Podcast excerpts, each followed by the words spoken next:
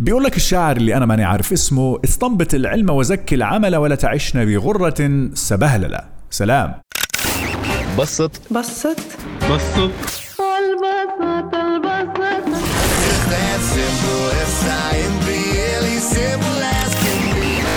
تجد. تجد. تجد. سبهللة في اللغة يعني الرجل الفاضي وياما في الهوا مظالم ما له شغل أبدا. قصدي يعني ياما مشينا سبهللة علشان هيك البودكاست هو مضاد السبهللة اديله. تفضل يا باشا. ماليش حبايب الا انت؟ عشت يا سيد على عششك يا رب.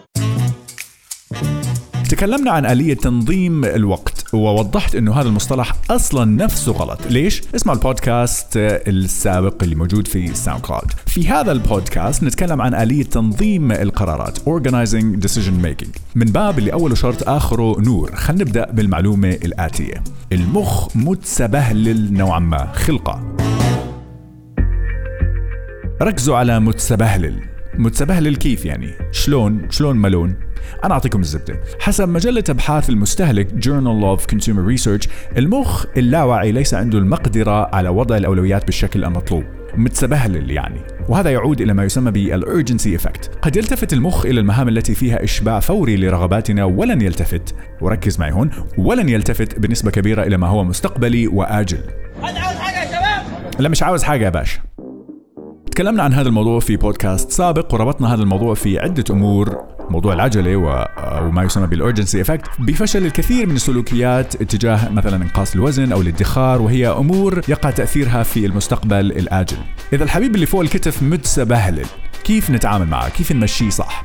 إذا كان هو ما بده يحدد الأولويات إحنا نخليه يحدد الأولويات. وهو أول نقطة هجوم على المخ المتسبهلل. استخدام بضع من الوسائل أولها ما يسمى بال Eisenhower matrix نسبة للرئيس الأمريكي آيزنهاور. الغرض من هذا ال box هو ترتيب الأفكار والمهام حسب الأهمية والعجلة في أربع مربعات وهم الأول العاجل المهم الثاني العاجل غير مهم الثالث غير عاجل ومهم والرابع والأخير لا دا ولا دا طب ليه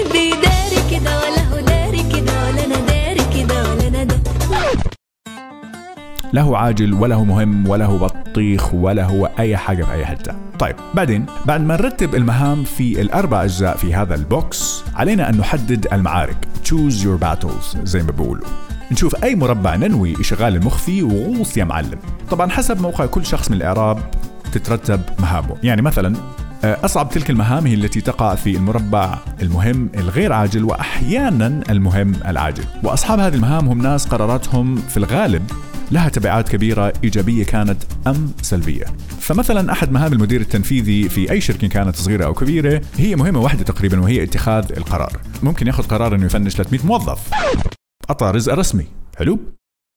وقرار مثل هذا يقع في مربعين. ممكن يكون مهم وعاجل أحيانا وممكن يكون مهم وغير عاجل لكن هو مهم في الحالتين. علشان يتخذ هذا القرار تقسم عملية التفنيش للأسف حسب الآتي وهو التكنيك الثالث من آلية اتخاذ القرارات.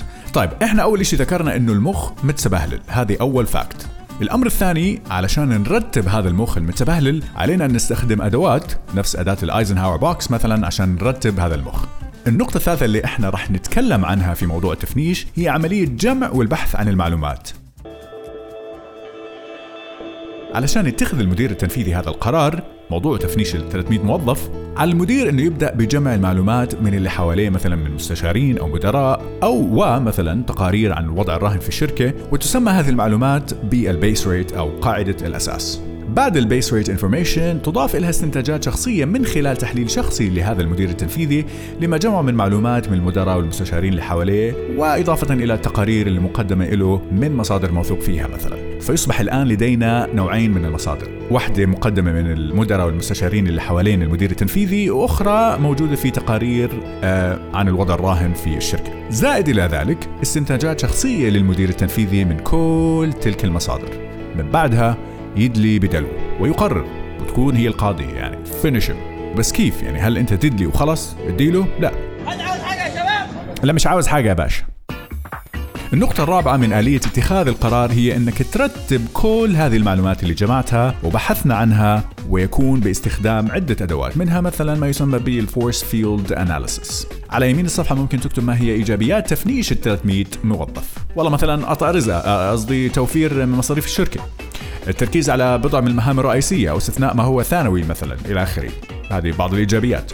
السلبيات ممكن تحطها على يسار الصفحة. تكتب مثلا سلبيات هذا القرار. والله تخسر سنوات من الاستثمار في الموظفين تقليل من حجم عمليات الشركة السمعة اللي راح تصير آه، واطية أكثر من شفرة على بورسلان في السوق. يعني كل هذه الأمور راح تحطها في عين الاعتبار. من ثم تقييم كل سبب على حدة علشان نطلع بمحصلة نهائية. نفنش ولا ما نفنش؟ إي ولا لا؟ ولا إي ولا لا ولا لا ولا أخيرا وليس آخرا حساب المخاطرة وهي النقطة الخامسة. أي قرار يؤخذ تتبعه نسب مخاطرة تتراوح ما بين 0 إلى 50% كحد أقصى. بعد هذا تعتبر نسبة مخاطرة كبيرة جدا لكن كما يقول المثل مرات high risk high reward أو ممكن high loss يعني ممكن تروح فيها. يعني أنت ونصيبك. محصلة البودكاست هو التالي. المخ متسبهلل. لا يستطيع أن يرتب الأولويات. علشان نخليه يرتب هذه الأولويات لازم نستخدم أدوات مثل ال Eisenhower box مثلا. ال Eisenhower box بيخلينا نحدد المهام التي نريد الخوض فيها. بعد أن نخوض في هذه المهام راح نمر بمواقف تتطلب منا أن إحنا ناخذ قرارات. علشان ناخذ هذه القرارات لازم نستخدم بعض الأدوات التي تمكننا من اتخاذ القرار. نفس مثلا جمع المعلومات وبالإضافة إلى تحليلنا الشخصي لهذه المعلومات. عشان نرتب هذه المعلومات ممكن نستخدم أدوات نفس ال force field analysis وأدوات كال force field analysis تتيح لنا الفرصة لأن نقيم المعلومات التي هي ضد أو مع اتخاذ أي قرار معين. والنقطة الأخيرة هو حساب المخاطرة أو ال risk. بمعنى أن أي قرار نأخذه يأتي بعض أو الكثير من المخاطرة. قد تتفاوت هذه النسب ما بين 0 إلى 50% قد تتجاوز ال 50% لكن high risk high reward أو high loss الرجل سجلت كل هذا بدون text. انقطع نفسي المهم. خليكم هادين وحبوبين. سلام.